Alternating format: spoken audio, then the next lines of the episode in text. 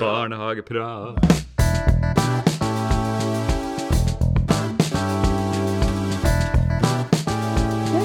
Ok. Det ikke det dårligere sammenstudiet enn at vi får til det. Det bra du oppdager det nå, og ikke om Om en, tre kvarter. om en halvtime, liksom. Ja, ok. Hei, og velkommen tilbake til Barnehageprat. Nei, men hei. Hei! og som forrige gang så sitter vi jo i barnehagepodkast eh, kjellerstudio. Ja. Altså i kjellerstua mi. Ja. Og mi, det er meg, det er Erlend Nilsen. Og jeg er her sammen med Eh, Lisbeth Aasgaard. Og Øystein Gjønnes. Ja. Det er hyggelig. er det. Absolutt. Hyggelig stue. Fin stue. Fin studiostue. Ja, vi håper det. Jeg håper lyden er sånn høvelig. Vi får se. Eh, Som vanlig så er vi å få tak i Vi kan sendes mail til. Vi har en e-post som heter barnehagepodcast med c at gmail.com. Vi tar gjerne imot meldinger på Facebook og i andre sammenhenger. Jeg er veldig glad for det å få tilbakemeldinger. Innspill, forslag til tema eller andre ting som eh, folk ønsker at vi skal ta opp. Eller hvis folk syns at vi har snakka om noe som de mener er helt borti natta, Ja. så gi oss gjerne tilbakemeldinger på det. Så, så Vi sitter ikke på fasiten. Vi Nei. vil gjerne ha en diskusjon rundt ting. Så det, det er fint hvis folk kommer med tilbakemelding om at eh, vi tenker at dere Har dere tenkt på det på den måten, eller Ja. Og rate oss på Apple Podcasts. Det gjør at uh, kanskje enda flere får vite om oss. Ja, eller hvis du har en venn eller en kollega eller en, eh, en bestemor eller eh, noen som du tenker kan ha interesse av å høre på oss, så, så anbefal oss gjerne. Si hør på den episoden med de tre tullingene oppe i Bodø. Ja. Ja. Støttes. ja. Ja, veldig bra. Hva skal vi i dag? I dag eh, har vi litt annerledes eh, eh, organisering enn hva vi hadde forrige gang. Forrige gang hadde vi en normert eh, samtale om eh, det jeg kaller barnehagenormen. Altså pedagognormen og barnehageansattnormen. Eller Mm. Erlend Nilsen går for årets nyord. Ja. Barnehagenormen. Oh. ja, altså Målet er jo, er jo å få flest mulig på konsonanter inn i samme ordet på en gang uten så mye forstyrrende vokaler. Nesten som klingonsk hvis man er veldig nerdete. Mm. Mm, ok. Ok. Det som er artig i dag, da, det er at vi vet jo egentlig ikke hva vi skal snakke om. Det vil si, jeg vet hva jeg vil at vi skal snakke om. Øystein vet hva du vil at vi skal snakke om. Og Lisbeth har også med seg noen plan. Ja, forhåpentligvis. Men uh, vi har ikke forberedt hverandre på hva vi skal snakke om. Nei. Så det er litt artig. Så uh, vi har liksom vårt vårt segment i, eh, i podkasten, da. Så å få litt annen energi på, på denne innspillinga enn den forrige, som var litt mer Ja. ja energien var kanskje ikke like høy når man snakker om normer og sånn, men det er jo et viktig tema, og vi har jo på meninger om det òg, selvfølgelig. Mm. Ja, men da eh, har jeg lyst til å lage ordet til deg, da, Øystein, første runde. Så fint. Jeg skulle snakke litt om eh, bemanningsnorm. Nei, jeg skulle ikke det. Vi er ferdig med det. Nei, jeg, jo, jeg har sagt det før, at jeg er jo en sånn eh, mangesysler. Som eh, holder på med veldig mange rare ting. Eh, og det, det tror jeg er bra i barnehage. Og så har vi prata litt om jazzpedagogikk før. Og det som jeg tenkte jeg skulle snakke om og prate om og ta opp i dag, det handler litt Det er den gata der. At Er det noe som jeg blir litt sånn smågal og rar av, så er det hvis ting er helt likt alltid. Hvis du skal gjøre det samme fordi du alltid har gjort det, eller fordi at du skal gjøre det samme fordi at du ikke kom på noe annet å finne på. Så jeg utfordrer unger, og jeg utfordrer for så vidt også personale og voksne, til å tråkke utafor det som de tenker er trygt. Og så bare drite litt i det og tenke at nei, nå, skal jeg, nå skal jeg gjøre det her, for det har jeg lyst til å gjøre, og det er god pedagogikk å gjøre denne tingen her. Og i det der, da, så er, når jeg er mangesysler, så sysler jeg annet med bass og musikk. Og bruker kreativiteten min så mye som jeg kan i barnehage. For noen tror jeg det er kanskje litt slitsomt sånn innimellom. Men så dukker det opp mye morsomt rundt det også. Ungene syns jo det er stas med det her. Så kreativitet, det er det som, det er, det som er temaet mitt her. Og den er jo ganske grenseløs. Og for noen så er det veldig slitsomt, den kreativiteten, fordi at du vet ikke helt hva som kommer. For meg som jazzpedagogiker så er det gøy å ikke vite helt hva som kommer. Det er gøy å liksom kunne utfordre ungene på noe som de ikke så komme. Og da igjen gjennom det utfordre de andre i barnehagen på, på noe sånt. Så, så jeg bruker kreativiteten min masse. Og en eh, sånn konkret greie som, eh, som trigga min kreativitet, det er ikke nytt engang, det var ganske mange år siden. Det var at vi hadde et tema i barnehagen som var, som var talla. Så i løpet av årets eh, måneder, eller barnehageårets ti måneder, vi tok jo bort sommerferien, så skulle vi liksom vært innom talla fra én til ti. Og visualisert det for ungene. og og finne ut liksom, ja, ikke sant, det her blir Vi av én én nese, har vi ja, det er sant. Vi har ikke én tå. Jo, det har vi jo. Vi har flere tær der nede òg. Og, og så hadde vi Vi hadde jobba en måned med én, og så kom vi til to. Og da slår jo min hjerne inn og tenker at ja, nå har vi jo snakka mye om én. Kanskje ikke ja, Lage en sang da om to, kanskje. Bare det, For meg så var det veldig sånn logisk. Og som bassist så var det jo logisk at det måtte bli en sang med bass.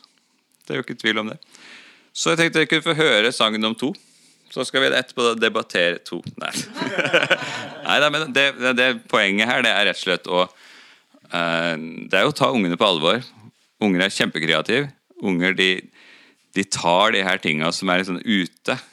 Så hvis du tør å bevege deg litt sånn på sida av det du egentlig syns var trygt, så er ungene helt med på det. De syns det er topp. Også på sikt da kan det hende personalet syns det er sånn, sånn litt, bitte litt topp, i hvert fall. Så ut av, det, ut av det faste. Har vi lyd nå, Erlend Nilsen? Nå har vi lyd. Oi! Så kan kan begynne å spille. Det er Forspill er viktig. Det har jeg lært ungen i barnehagen.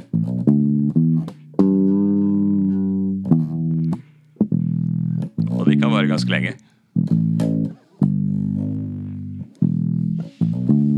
Men så må sangen begynne etter hvert. ikke sant?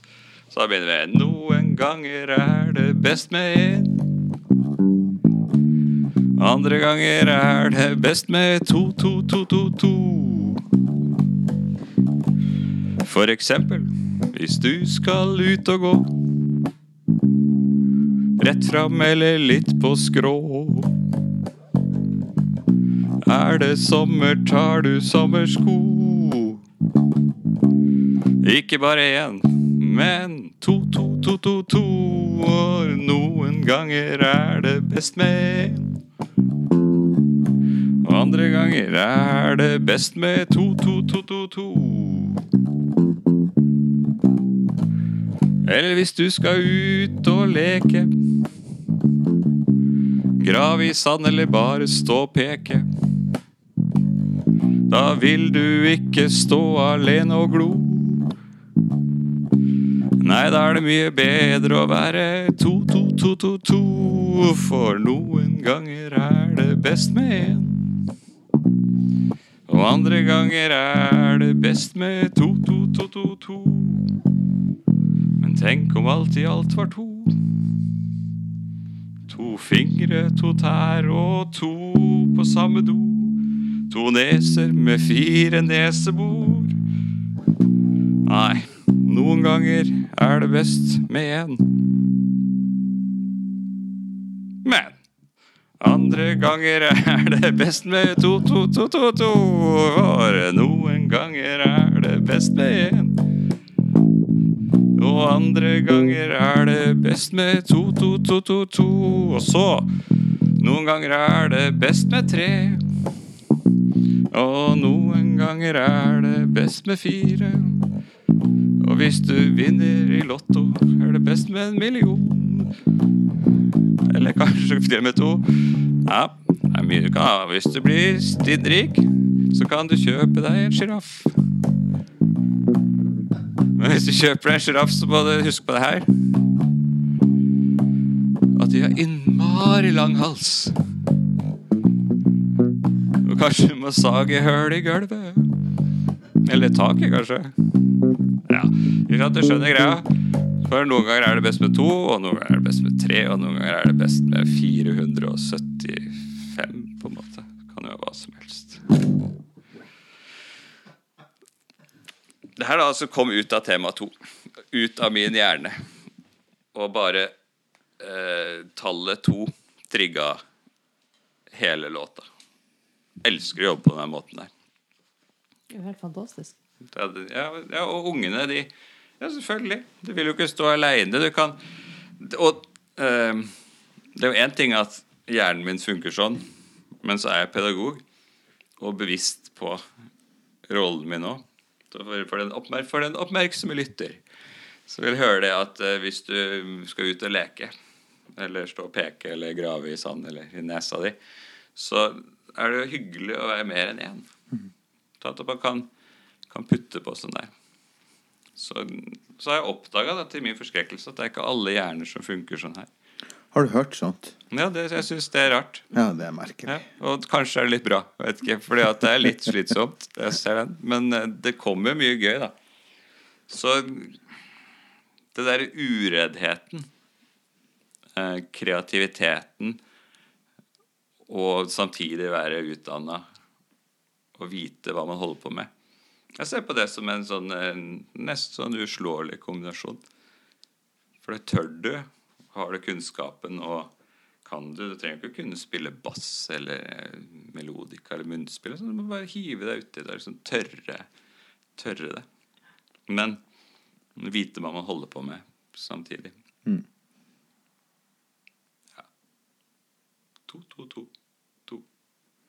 Jeg lagde ikke noe sang om tre. Men jeg kunne sikkert gjort det. Altså juletre eller julefire. Jeg, Jeg har en pedagog hos meg som er steikende god på dialekter. Hun er, I tillegg så har hun humor. Hun er morsom. Mm. Eh, og så er det sånn at jeg hadde en samtale med en som jobba på avdelinga hennes eh, ja, ganske nylig. Og så fortalte hun følgende historie. Og når at eh, de satt og hadde eh, samlingsstund, og så drev hun her pedagogen og fortalte en, eh, et eventyr, en historie. Jeg husker ikke helt hvilken historie det var.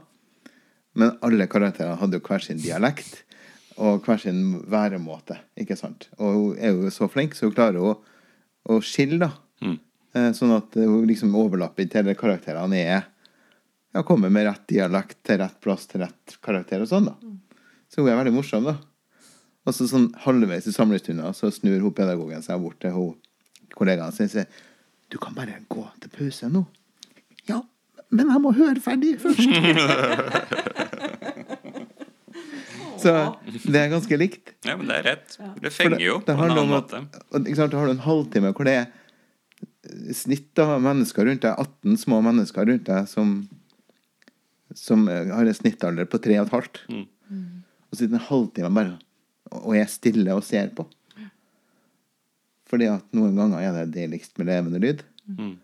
Og det tenker jeg at eh, det Ja, må jeg jo være enig i. Ja. Jeg har også veldig trua på det med, med, som du sier, med det å hive seg utenfor komfortsonen. og litt sånn. Det, det kan være en veldig veldig stor terskel for enkelte. Og så tenker jeg at, at det er viktig at vi som jobber i barnehage, er flinke til å hjelpe til å gjøre den terskelen litt lavere. Eh, jeg hadde en gang eh, en, en helt fabelaktig eh, assistent eh, som syntes at det skumleste i hele verden var å ha samlingsstund. Eh, Vedkommende hadde da på en eller annen finurlig måte klart å unngå det, fordi at det var så skummelt. at eh, Hadde liksom klart å trikse litt, særlig til. Eh, Men, men var også såpass tøff at vedkommende innrømte det. At dette syns jeg er vanskelig. Eh, Jeg liker det ikke, jeg tør ikke, jeg får det ikke til. Eh, og så snakka vi litt om det, og så sier jeg men hva er det du er redd for? Hva er det du er redd skal skje når du skal ha en samlingsstund? Eh, hvorpå vedkommende sa det at nei, jeg er redd for at de andre voksne skal synes jeg er teit. Så sier jeg, men, men hva om du da tar med deg tja, to barn og ingen voksne, og så har du en samlingsstund? Det, det trenger ikke å være 18 barn og tre voksne og fullt publikum. Det, ta med deg to unger, og så trenger vi ikke å kalle det for en samlingsstund, men du kan gå inn på et rom, og så kan du eh, do your thing, liksom. Gjør det du har lyst til å gjøre. Du vet jo hva, liksom, hva du har å by på. Eh, og det gjorde jo vedkommende. Og det, det, dette ble jo altså det, det, altså det er jo en fordel med små barn. De er jo lett å få med hvis du bare bjuder på, for å si det sånn. Eh, på et tidspunkt, etter noen måneder, så hadde da denne personen, denne assistenten, da samlingsstund for hele barnehagen. Alene. Eh, fordi at ikke sant? Og var jo helt mester. Altså, det, var jo, det var jo helt uh, magisk, for å si det rett ut. Men det er noe med det å faktisk legge til rette og kanskje bryte litt ned og si hva er det du egentlig Hva er, hva er det du syns er vanskelig med dette? Hva er skummelt? Hva er du liksom Og det er jo som du sier, du trenger jo ikke ha bass og tromme og, og hatt på hodet. Du, du må på en måte bare Og Kurt, som var gjest hos oss for noen episoder siden, sa jo det, hadde jo et, en anbefaling om det at lær deg ett eventyr. Uten at Uten at. Og så kan du bruke det, fordi at i det øyeblikket du klarer å legge fra deg en bok og si noen ting altså, og, og, og, Som du sier, om det er dialekter, eller om det er bevegelser, eller hva det er for noe, da har du det. Da, da er du der. Eh, ja. Ja, så den der frykten for andre voksne, Ja. eller personalet i barnehagen, den, den er lett for at den blir styrende. Ja, ja, ja. For det er jo det som er skummelt. Og, men når du klarer å legge bort den, og tenke at nei, samme det. Jeg har blitt så gammel nå, det blir jo blaffen i det der. Jeg bryr meg ikke om om de ser på meg som en idiot. Fordi at eh, ja, ja, samme det. Kanskje rope litt her og der og, og gjøre litt rare ting. Men det har ikke noe å si, fordi at jeg ser hva det gjør med ungene. Jeg ser hva, hva som eh, dukker opp da. Og jeg får jo historier tilbake igjen nå. Vi har en sånn følgetonghistorie hos oss som er dikta opp helt sjøl. Om en sjørøverkaptein som er meget merkelig og mystisk. Og ungen etterlyser. Det er jo sånn der spinn ut av ingenting. Og så etterlyser de det fordi at de syns det er artig å høre på. Og det er jo samme som denne sangen også, som man kan jo ha en hel samlingsstund med bare sluttalen på denne sangen, fordi at man kan jo bygge det ut i alle retninger. Og ungen er med på det. De voksne vil jo se på det sånn Hallo. Hva er det et sjiraff, hva har det med to å gjøre, liksom? Men eh, for ungene så er det logisk. Det, det er helt fint. Jo, det vet du hva, det skjønner jeg veldig godt. Jeg. For det én ting er jo nok Altså det er arbeid nok å lage plass til én sjiraff. Ja. Og ikke bare det, men så må jo møkke etter den òg. Da kanskje får du ha én sjiraff. Hellig Ambrosius, hvis du skal ha to sjiraffer, hvor mye arbeid er det med det? Så har du én, så er det greit. Har du to, har du ti. Ikke sant? Ja, nei, men da har du poeng. Nei, men da Nei, men det er vakkert. Det å tørre, og det å være kreativ. Mm. Og det å oppmuntre. Det å, å faktisk være raus med hverandre og oppmuntre til å si at kan ikke du Altså kan vi lage rom for at du faktisk får lov til å gjøre de tingene som du eh, kan bli god på. Du trenger ikke å være god. Eh, hadde for øvrig, uten sammenligning, for øvrig en, eh, for mange år siden en, en kollega som eh, kom fra samme plass som eh, denne Snikker Andersen-karakteren. Snikker Andersen, Ja, ja, ja. sa Snikker ja. Andersen. Oh, ja. Og han, Julenissen, ja, og sa han- julenissen. Han måtte faktisk da eh, hver eneste Altså fortelle den historien. Eh, og jeg satt da sannsynligvis sånn som den assistenten som du sa jeg fortalte om i sted. Jeg var helt fjetra og bare forguda han. Hvor bor disse Ja, disse og- ungene? Ja, Innover der, og bortover sånn, sa Snikker Andersen. ja, jeg, vet jeg tror faktisk jeg syns det var mer stas enn ungene syns det var. Men han ga litt av seg sjøl òg, da. Ja, ja, og det, ja. det må man. Og det der med å gi honnør til de som, eh, de som tør. Ja. Samme, Det trenger ikke være så store greiene heller, men hvis du kjenner dine folk, Mm. sånn som du sa i stad, hun som, eller han som trengte, trengte litt sånn ro rundt det. Mm. Ja, gi de ro rundt det, og så gi de kred for at ok, det her var kjempebra. Mm. Og den gangen de trer fram og gjør en liten sak, eller de tør Mm. et eller annet som de ikke har turt før, så gi en klapp på skulderen og si ja, det var kjempemorsomt, eller kjempebra, eller det her likte jeg godt. Fortsett med det. Ja. For det klart, Da booster du opp både kreativiteten, men også folka bak. Mm. For det har jeg jo også lært at mm, jeg kan jo holde på med mine ting og synes at det er kjempegøy, men det er ikke sikkert det passer alltid. Eh, og da har jeg vett nok til å legge meg bakpå. La andre styre. Ikke sant? Sånn at det er noen balanseganger i den der mm, kreativiteten. Og derfor at ikke du fyller en barnehage med sånne hjerner som min, så tror jeg det ville blitt veldig slitsomt. Ja. Men når du har du bruker huet litt og er litt smart på kreativiteten din, så, blir det, så er det gull verdt. Men det der analogien med et jazzorkester blir så bra. Ja. Fordi at du kan ikke spille solobass hele tida. Og du kan ikke Du kan, men det blir jo ikke noe bra Hva musikk sa, av det. hva sa du? Ikke sant? For det blir, det blir ikke noe bra musikk av det. Neida. Alle sammen har sin stemme og sin tidspunkt innenfor ei ramme som vi er enige om at sånn skal det være. Og da har alle sin del og sin måte å skinne på. Og om det er fordi jeg er flink å lage systemer og ordning sånn at, sånn, og redo, sånn at vi får gjort ting, ja, så er jo det òg en ting som må gjøres, da.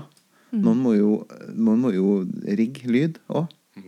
Og så tror jeg det er viktig det å faktisk, spesielt i barnehage, da, ha et såpass raust arbeidsmiljø at man blir god på å se hverandre og løfte hverandre. Og for Altså, eh, det du gjorde nå, Øystein, å sitte og spille bass, og nå kan ikke jeg spille bass, da, men, men å synge på det viset der Jeg hadde, jeg hadde jo dødd, for å si det rett ut. Jeg hadde jo aldri kunnet gjort det.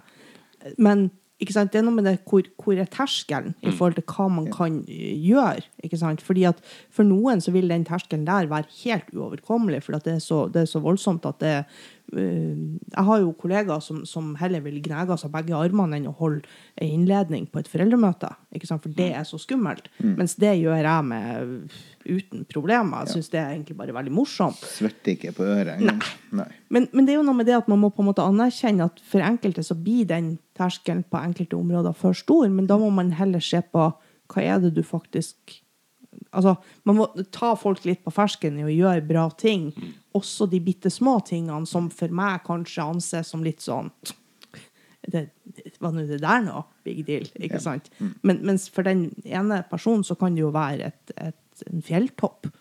Så det å, det å faktisk se hverandre og, og ha et arbeidsmiljø som er såpass raust at man kan ta vare på absolutt alle disse eh, hjernene, hvis man kan si det sånn. Altså, ja. Ja, og det anerkjenner forskjelligheten i det også. Ja. Jeg tror veldig på det. Det er derfor jeg sier det at å putte min hjerne i ganger ti inn i en barnehage vil bli bare kaos. Men har man flere forskjellige ja. som tenker på forskjellige ting, som kan forskjellige ting, som er god på forskjellige ting, og som får lov til å være god på forskjellige ting, så tenker jeg da har man da er man på vei mot noe veldig bra. Det er jo selve definisjonen på en, en fantastisk barnehage. Egentlig At du har alle disse forskjellige personlighetene. og ja, altså Både kjønn og alder og bakgrunn og kultur og gud vet hva. Alt sammen som man burde ha i ei personalgruppe. Tusen takk, Øystein. Det var et nydelig tema. Absolutt. Veldig bra. Setter vi bassen bort. hvem det var sin tur? Nei, du får eh, kjøre på. Skal jeg ta? Ja, ta du. Ok. Så lenge du ikke tar mitt tema. sånn. Jeg aner jo ikke hva ditt tema er, så Nei, nei. det er jo en eh, det er det er jo en teoretisk fare for det. Altså, folk vinner jo Lotto òg. ja. Nei da, vær så god. Jeg, eh, men egentlig så eh, ble jeg litt slått over hvor likt det var, da. Men uh, jeg har jo dessverre ikke noe uh, fin musikalsk innledning, da. Men eh, det temaet som jeg har med til i dag, det er det at eh, barnehageansatte som mennesker er verktøyet. Så hva er, det vi, er det vi har slags verktøy i barnehagen? Jo, vi har noen blyanter, noe papp og noe, noe glitter og noe, kanskje en iPad eller noe sånt. Vi har noen duppedingser. Men det vi skaper innholdet i barnehagen med, det er det vi sjøl er, og dem vi kan, og det vi, det vi bringer til torget, da. Men jeg har med et lite vers, for det, det har dere jo skjønt etter hvert eh, på lydtestene når jeg har kjøpt meg nytt utstyr, at, eh, at jeg er glad i, i vers og dikt. da. Så jeg har med et eh, lite vers, og det verset er sånn. Jeg vet ikke hvem som skrev det, da. Jeg kan bare teksten utenat, men det er sånn. Krokodillen sa til kua, vil du gifte deg med meg? Jeg er så alene, kjære søte, snille deg. Men krokodiller kan jo bare leke under vann, så kua ville ikke ha en krokodillemann. Fantastisk! Og den har en tendens til å fenge barn. Og det som er artig med den, da, eh, det er jo at du kan bruke den på forskjellige måter. Når, du, når man sier den på den måten, så blir det nesten som en Ja, jeg tør jo nesten, nesten som en rapp, kanskje. Ja, Det var nesten ah, ja. som en rapp. Nesten. Nesten som en rapp. Men du kan jo f.eks. synge den i det, du. fra det 'Krokodillen sa til ku' osv. Sånn. Jeg skal ikke synge på offentlig. Det skal jeg ikke. Men du kan lage en sang. Helt fordi at melodien i teksten er så bra. Og såpass trist at du kan lage den i moll til. Og du kan lage den i moll. Ikke sant? Eller som kan bare fortelle som du sa Krokodilla, du kan jo sa til kua? Nei. Vil du gifte deg med meg? Oh! Og så har du en hel historie. Ja. Og det som er så bra med det, da, da, tar du Du kan ta et lite vers, og så kan du bruke deg sjøl. Det var det som var min eh, tanke, da. Um, fordi at du kan være glad i fotball. Du kan være sånn som meg, du er glad i vers. Du kan være glad i musikk, sånn som Øystein. Altså, du kan ha på en måte en eller annen ting med deg inn i barnehagen. Og så kan du I barnehagen så kan du bruke det for det det er verdt. Og så er det min jobb som styrer, og det er det som er vinkelen min. da. Inni det her. Min jobb som styrer er å prøve å finne ut av hva er du god på. Og hva har du lyst til å bli flinkere til? Og hva er du god på? Og hva kan du bli flinkere til? Og hva har du lyst til å lære noe mer om? Og en av måtene å få fram det på i barnehage, det er å ha medarbeidersamtaler. Og når jeg spør folk på medarbeidersamtalen hva har du lyst til å lære mer om? Nei, nei da, det er jo ikke Nei da. Nei, det er ikke så mye. Nei. Men så begynner vi å snakke om hva jeg syns er morsomt å gjøre i barnehagen. Hvorfor syns du det? Hva er det som gjør at du syns det er gøy? Hva gleder du deg til å komme på jobb av og til? Ja, ja, hva gjør du da? når du gleder Jo, jeg syns det er så godt å være på tur. Ja vel, hva er det som er morsomt med å være på tur? Jo, det beste er å være på tur, det er å fyre bål, for det syns jeg er spennende, men jeg er ikke så veldig god på det. Ja ja, kanskje du skal lære mer om å fyre bål, da. Sant? For det er jo da faktisk en, en ferdighet som du trenger for å kunne bruke deg sjøl som det verktøyet du er. Og kanskje at du er ute en dag ekstra, eller to dager ekstra sammen med barn. Og kanskje du til og med tar med ungene på turen din. Men så, ja, hvordan skal vi fyre bål på en måte som gjør at bålet tenner fort? Ja, vi må kløyve, ved, vi må spikke, og det er masse ferdigheter du må ha på plass for å kunne få fyre et bål. Og eh, du kan lage et pagodebål, og du kan lage en Altså det finnes masse navn og typer av bål, da. Og så kan du nerde litt på det. Kan du sette deg ned, så kan du finne eh, finne båltyper. Hva skal jeg bruke bålet til? Jo, jeg skal ha mest mulig varme over lengst mulig tid. Ja vel, da kan du lage et sånt bål, da. Så skal du lære deg det, for det er jo en ferdighet, det er å lage bål. Bare spør Lars Monsen. Ikke sant? For at du, når du, du skal sove over i 25 minus, og du har bare eh, ikke har med deg telt, så må du ha et skikkelig bål. Våte sokker og Og tørre sokker må du ha. Ja, men du må jo få tørre sokker av bålet, da. Hva, hvordan gjør man det, da? Så du kan, hvis du har en liten ting du er interessert i, så, så trenger du jo det kan det hende at du er så heldig at du har noe å holde på med på alle turene fremover. Ikke sant? Hvis du tillater deg sjøl å være på vei et sted. Så det, det var det jeg tenker. Det er også, eh, du snakker om å tørre, men jeg snakker om å akseptere at jeg er verktøyet. Hvis jeg trenger å bli flinkere på å vise omsorg, så må jeg, ja, men da må jeg bli flinkere til å vise omsorg, da. Sant? Kanskje jeg kommer fra en familie som ikke er så god på å snakke om følelser, da. Eh, ja, eller har du lest denne boka til Adam Skjølberg som heter 'Manual'? Han har skrevet en bok til en del sånne her millenniumsgutter som ikke helt eh, vet hva de skal være mann hen i, på 2000-tallet. En nydelig bok eh, som handler om det å være det å være mann da, i den moderne verden. Og hvordan skal du være gutt, og hvordan skal du være mann? Og Det jeg, det handler om omsorg. ikke sant? Hvordan gir man omsorg som mann? Jo, man gjør det som et helt annet menneske. Men det, hvis du ikke kan det, så må du lære deg det. Det er en ferdighet du må akseptere at du ikke har, og så må du tåle å være på vei. da. Så det er noe med når du går inn i en barnehage hvor du snakka om at vi har ikke fasiten. Jeg vet ikke om det ble med på opptaket, men at du sa det her i sted. For det står vi har ikke fasiten, vi vil gjerne ha tilbakemeldinger. Ja. For det er veldig få fasiter og ferdige systemer på hvordan vi eh, forholder oss til andre mennesker. da. Og da tenker jeg at det må du akseptere når du kommer inn i denne gale Mathias-verden som barnehagen er. For her rommes hele verden. Og det er sånn at jeg kan ikke hele verden. Jeg er ikke best på alt. Men jeg kan bestandig bli flinkere enn det jeg er. Og hvis ikke, ja, så kan jeg gå og finne meg noe å holde på med som, som ikke har behov for at jeg er i utvikling. Da.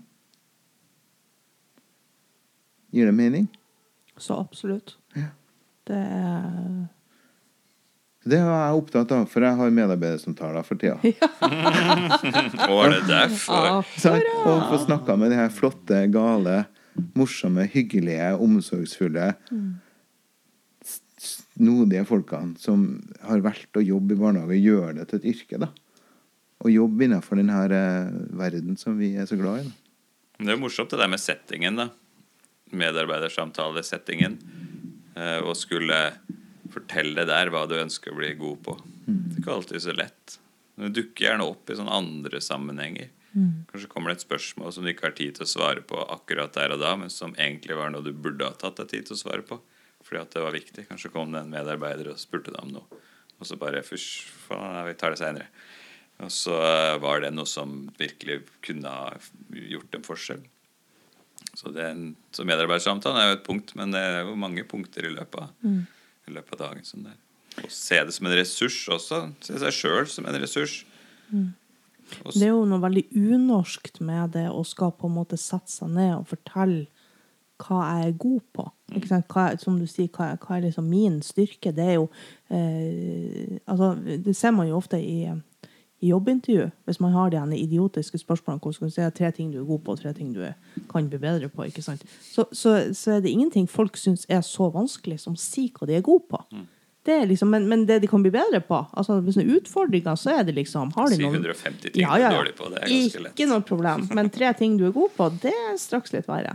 Eh, og så tenker jeg at det, det, det er veldig viktig det du, det du snakker om, Erlend. fordi det handler jo også om det med å være i utvikling. Og det med å faktisk eh, skulle si, eh, om man skal si slipe kniven sin eller stemme instrumentet sitt. Altså, du må på en måte du må, du må være der. Du må på en måte henge med. Eh, og eh, jeg er litt opptatt av det her i forhold til det med å ha engasjerte voksne som er oppdatert på, på barnekultur. Eh, og at da går det ikke an å sitte i eh, Man skal selvfølgelig ha med seg de tingene også, men du kan ikke sitte som pedagog i barnehage i 2020 og eh, knatter om klatremus og, og, eh, og sånne type ting, når, når det faktisk er eh, andre ting som altså, Og aldri har hørt om Peppa Gris, for eksempel. Eh, jeg har litt sånn når, når, jeg, når jeg treffer voksne pedagoger, si, pedagoger eller ansatte i barnehagen som sier nei, frost, det har jeg aldri okay, Hva er det for noe, liksom? Så blir jeg nesten litt pissed. For sånn, du, du har faktisk et ansvar om å holde deg oppdatert, holde deg engasjert, være på G. Men det syns jeg er interessant, for er, det er jo egentlig prinsipielt bare tid som skiller eh, hva heter det, Hakkebakkeskogen og Peppa Gris. For det er jo laga hovedsakelig som en litt sånn her formanende underholdning til barn. Ja. Det er Peppa Gris, og det er Hakkebakkeskogen. Det er alltid en moral i Peppa Gris. Ja, ja. Det er de, de, snille vinner, og det sånn her det, det går bra til slutt. Bestandig moral. Og det er litt sånn her, sånn her lett moralsk pekefinger. Og sånn er det i, i Hakkebakkeskogen òg, altså. Det må jeg si til slutt til meg vegetarianere hele gjengen til meg. Det er jo en isme. Men du må jo huske hva som skjedde da man kom med et, et barne-TV-opplegg som ikke skulle være moral. Da da man kom med Teletubbyene, som egentlig ikke hadde noe Ingen forsto noen ting ut av det. Så ble jo det gjennomanalysert til å være egentlig bare riv ruskende galskap. Men min eldste sønn han er 25 snart. Og han eh, er åpenbart Jeg er sikker på at han har dype sår av Teletubbyene. Jeg tror det er traumatiserende på sånn her snikende nivå. Er Sånn millenniumsbarna sin versjon av Pompel og Pilt, tror jeg. Det, Pilt var jo skummel. ja, ja. Har du Men sett Pompel og Teletubbyene er ganske skummelt, det òg, ass. Har du sett Pompel og Pilt i voksen alder, Øystein? Ja, så vidt. Det er dritskummelt. Ja. Det, den- er og mørkt, det er mørkt og dystert. Det er det. Og den melodien der, den er jo laga for å skremme folk. er For det er så mye synkope av synkoper og halvtoner at det må være jazzmusiker for å like det. Det nydelig. Nei, men det er jo en balanse i det her òg, i forhold til bemanning. Eh, det som jeg har prata om når jeg var styrer, så prata jeg mye om det der at du skal få lov å være deg sjøl i barnehagen, men du skal også forholde deg til sånn vi-tankegang. Mm. Så, og det henger jo sammen, det. For du skal, du skal jo kunne utvikle deg som person, og du skal kunne bruke deg sjøl som person, men du skal også klare å forholde deg til det barnehagen står for, som barnehage. Som en sånn enhet. Så der har vi en balansegang også, som er, eh, som er spennende å jobbe i.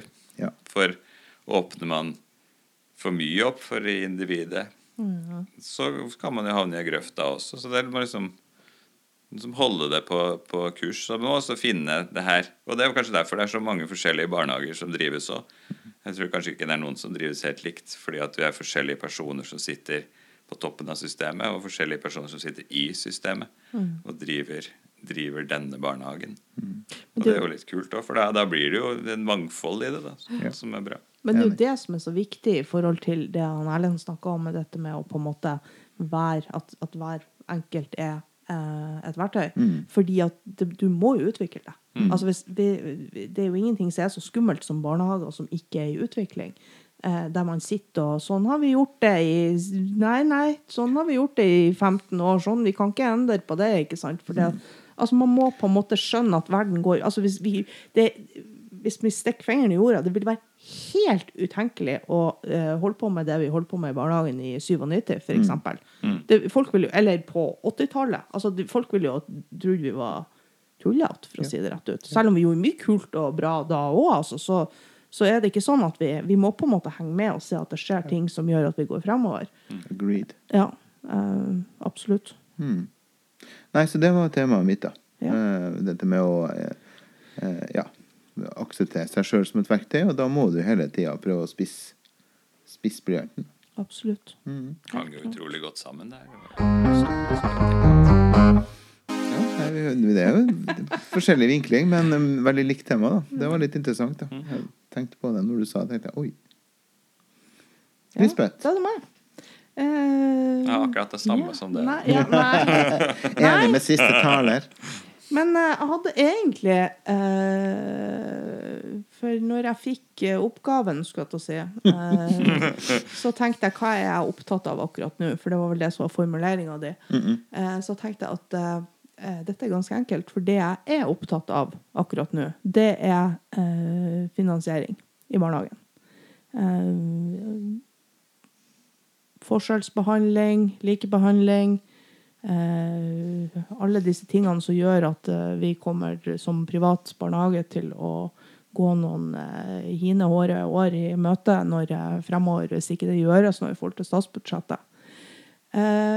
Men det som på en måte, uten at jeg skal sitte her og, og snakke om tall og, og prognoser og budsjetter og sånne type ting, så, så har jeg tenkt mye på det at hva er det du egentlig Hva, hva er det dette egentlig handler om? Og det, er jo nå det blir morsomt, for at dette er jo faktisk Dere har nevnt det, begge to. Eh, og det handler faktisk om mangfold. Og det er om, eh, for meg noe av det mest viktige i hele barnehagesystemet, det er foreldrene sin mulighet til å velge. Det må velge den barnehagen du ønsker, eh, basert på det som blir riktig for ditt barn. Og det er ikke noe fasit på i det hele tatt. Vi kan mene, vi alle vi tre som sitter her, kan mene at vi har verdens beste barnehage. Eh, og det kan godt hende at vi har det, på hver vår måte. Men hvis vi da hadde brakt inn en familie i dette rommet og sagt at nå skal du på en måte ha barnet ditt hos en av oss, dette er det du får velge mellom, eh, så kan det godt hende at de hadde tenkt helt annerledes enn det vi hadde tenkt at de skulle tenke. Og det syns jeg er så viktig. At det faktisk eh, foreldre får mulighet til å faktisk velge. Eh, det handler om hvem som jobber der. Det handler om, om eh, hvordan vi jobber. Det handler om hva vi fokuserer på. Og det handler om eh, muligheter, rett og slett. Eh, så kan vi selvfølgelig hoppe over til det som jeg da syns er det viktigste av alt, det er at vi faktisk har det mangfoldet i barnehageverdenen i dag. At vi har konseptbarnehager, at vi har private barnehager, at vi har kommunale barnehager, at vi har gode barnehager. Um, og at det er det det til syvende og sist handler om. Uh, og så handler det om å faktisk ha en, en, en bevisst voksen uh, som jobber i barnehagen. At man blir bevisst og engasjert og oppegående i forhold til den jobben man har tatt. Det er ikke en menneskerett å få lov til å jobbe i barnehage. Eh, og det handler om altså, altså Jeg har så lyst til å si muligheter. Altså det må faktisk gi eh, Jeg tar imot i løpet av et år veldig mange foreldre som, som lurer på om de kan få lov til å komme og se hva vi holder på med. Kan vi få lov til å komme på omvisning? Vi vurderer å søke plass hos dere. Kan vi få komme på omvisning? Eh, og jeg sier kom igjen. Jeg skal ta meg tid. Og jeg tar, setter gjerne av en times tid. Vi prater om barnehagepolitikk, vi snakker om eh, hva vi gjør, pedagogikk, hvordan vi jobber, vi snakker om åpningstid, vi snakker om, vi snakker om alt mulig. Og så tar vi en liten runde hvor de får, måte, få lov til å se hva vi holder på med. Og sånn. Eh, og når de går, så sier jeg jeg håper vi ses igjen. Men hvis du velger en annen barnehage, så gjør det hvis det er det som føles rett for dere. Du skal ikke velge oss fordi at altså, Nå går dere hjem, og så snakker dere om det her, og så kjenner dere litt på hva dere syns her. Og mange søker også, noen gjør ikke det.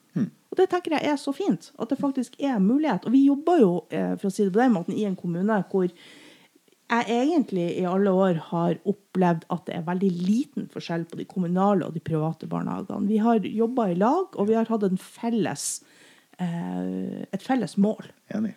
Eh, og det felles målet er å ha gode barnehager, Enig. rett og slett. Mm.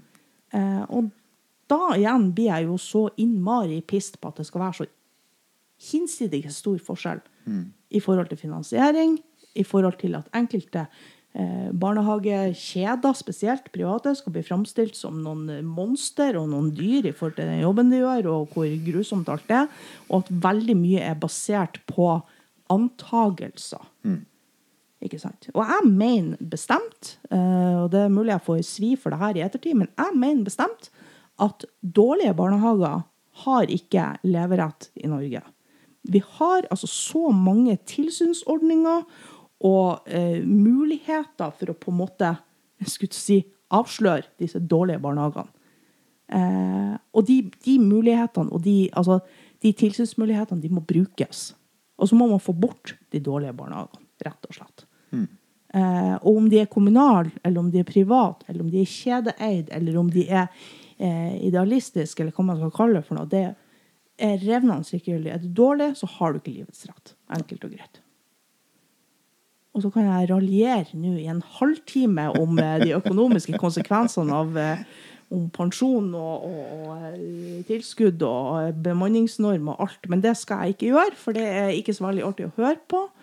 Men, um, men det må ha et mangfold. Og jeg er veldig stolt og glad av å bo i en kommune hvor vi har et så godt mangfold. Vi har gode konseptbarnehager, vi har gode kommunale barnehager, vi har gode private, vi har enkeltstående, vi har kjeder, vi har, og vi har et fantastisk samarbeid. Det koster meg ikke en kalori som privat styrer å ringe til en, en kommunal styrer og si hei, hvordan har dere løst det her?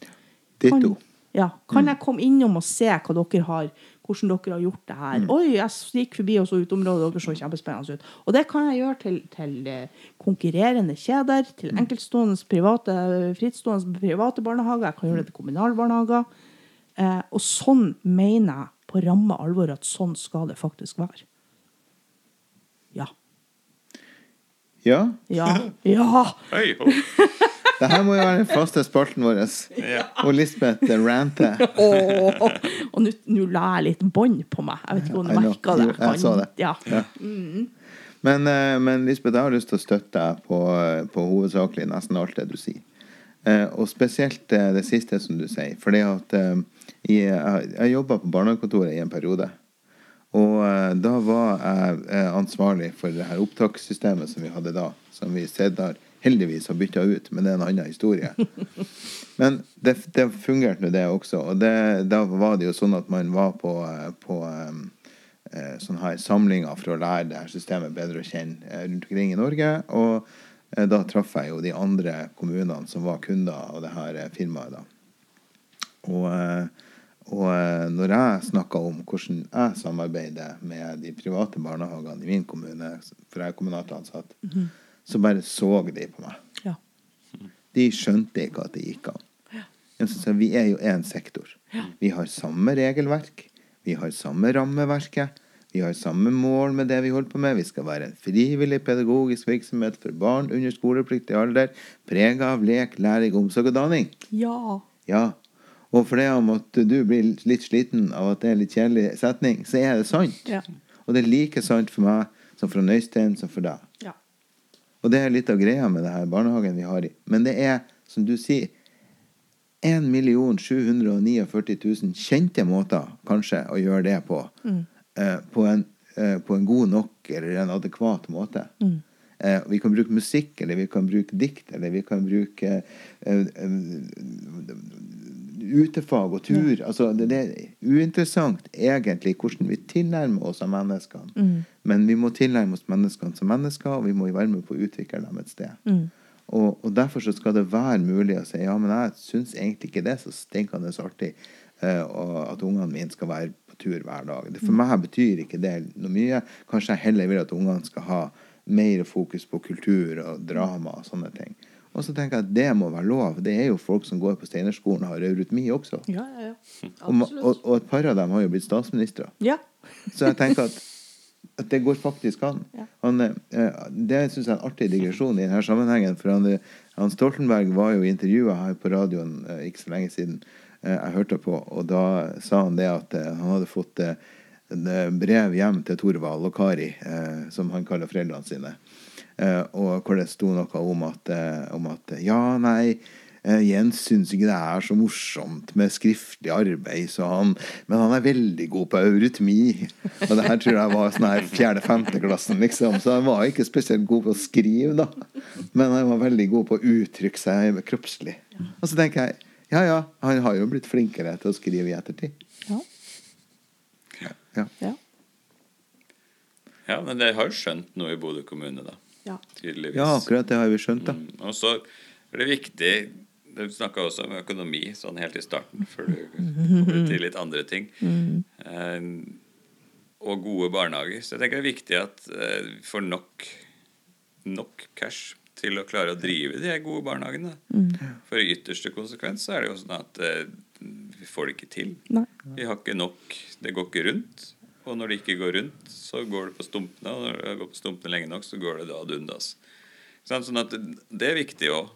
Men da tror jeg de som eh, Hvis du skal gå helt opp i statsbudsjettet, at de må måte se hva det er som skjer. De må skjønne det. Det var litt Ja. som vi snakka om i sted. De må, dette er faktisk en realitet. Dette er faktisk eh, penger. Og jeg mener, eh, ikke don't get me started, altså, men, men et barn er like mye verdt om det går i en kommunal eller om det går i en privat barnehage. Og vi er like opptatt eh, våger jeg å påstå med 100% sikkerhet, vi er like opptatt av at disse barna skal ha det bra. ja. Uansett hvordan eierform vi har. Uh, og jeg tenker det at, at i, i det øyeblikket du begynner å bli Altså, vi kan selvfølgelig sette en politisk flis på det her og si at det kan hende at du har et, et, et grunnleggende politisk fundament som sier at staten skal eie alt. Ikke sant? Men vi, vi, vi har ikke det systemet i Norge. Men det er jo ingen barnehageplasser i dag eh, Lisbeth, som ikke er finansiert av staten. Nei, da er de vel i så fall ikke godkjent. Nettopp. Ja. Sånn at det er jo Det kommer fra samme Ja pengepingen, alt sammen. Ja. Det som er Og det, det er den eneste gangen jeg kan være enig med Rødt om, da. For at nå har jo Rødt vært og snakka om det her igjen. da. Moxnes er jo en sjarmerende fyr, men jeg vet jo ikke helt hvor etterrettelig alt han sier. Men det, det er jo snakk om ikke sant, Og han kaller det jo profitt, for det er jo hans eh, hans politiske religion som sier at han skal gjøre det. da. Men, men det er jo det at uh, jeg har ingen problemer med at, uh, med at private eier barnehager. Jeg har heller ikke problemer med at kjeder eier barnehager. Og jeg har heller ikke noe problem med at noen lever av det. Jeg lever av å drive barnehage. Mm. selv om jeg får kommunalt lønn, så er jo dette som gjør at jeg eh, har en, en kjellerstudio å ta opp podkaster i. Ja. Eh, og fritid å gjøre det på. Så, så det syns jeg er helt greit.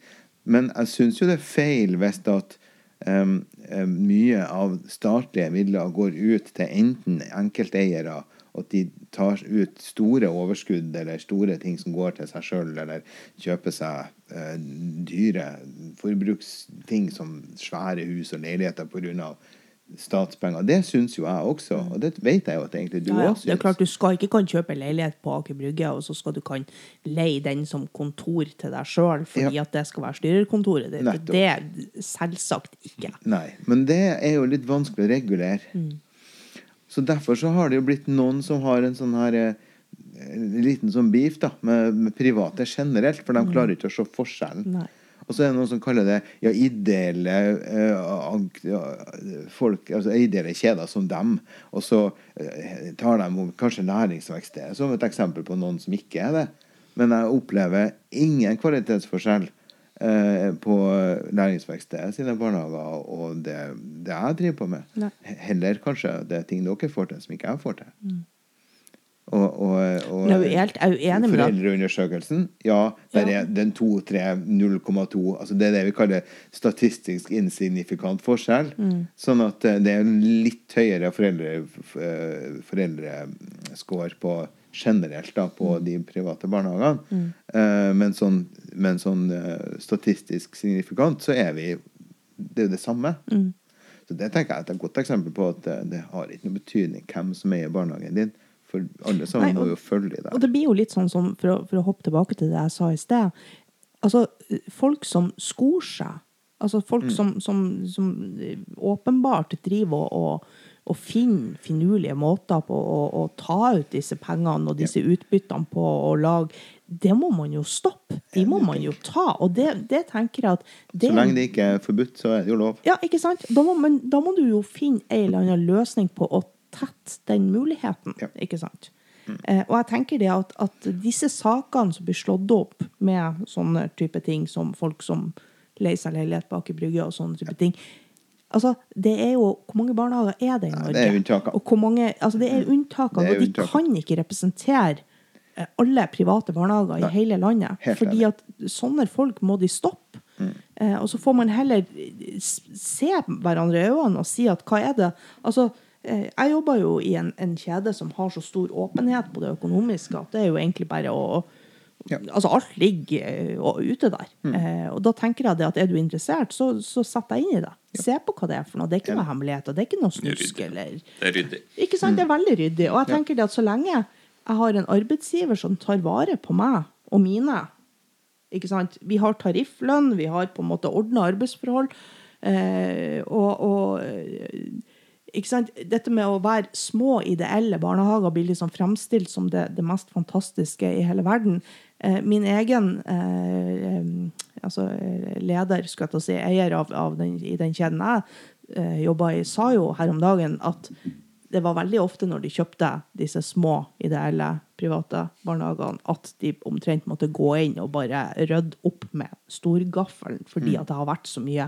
Det er ikke, det er ikke gjennomsiktig nok, ikke sant? Nei, og så blir det en del sånn privatiserte løsninger. Ikke sant? Og jeg tenker det at, at Men jeg ønsker jo et mangfold. Jeg ønsker også disse små eh, eh, ideelle, om man skal kalle det det. Jeg vet jo ikke hvor ideelt det er, for som regel så er man Det er jo ikke sånn at man gjør det her av godt. Altså, nå har jeg lyst til å på en måte eh, Altså, man har jo på en måte De fleste har det som yrke, ja. Ikke sant? Det er jo en jobb, En til syvende og sist. En ordentlig jobb til meg. Hvis ikke du får betalt for den jobben, så, Nei, så, så- må du slutte med å gjøre det. Det er ikke noe gratisarbeid du holder på med, uansett hvilken eierform du har. Og det å være kjøpmann på Rema er også en ærlig jobb. Ikke sant?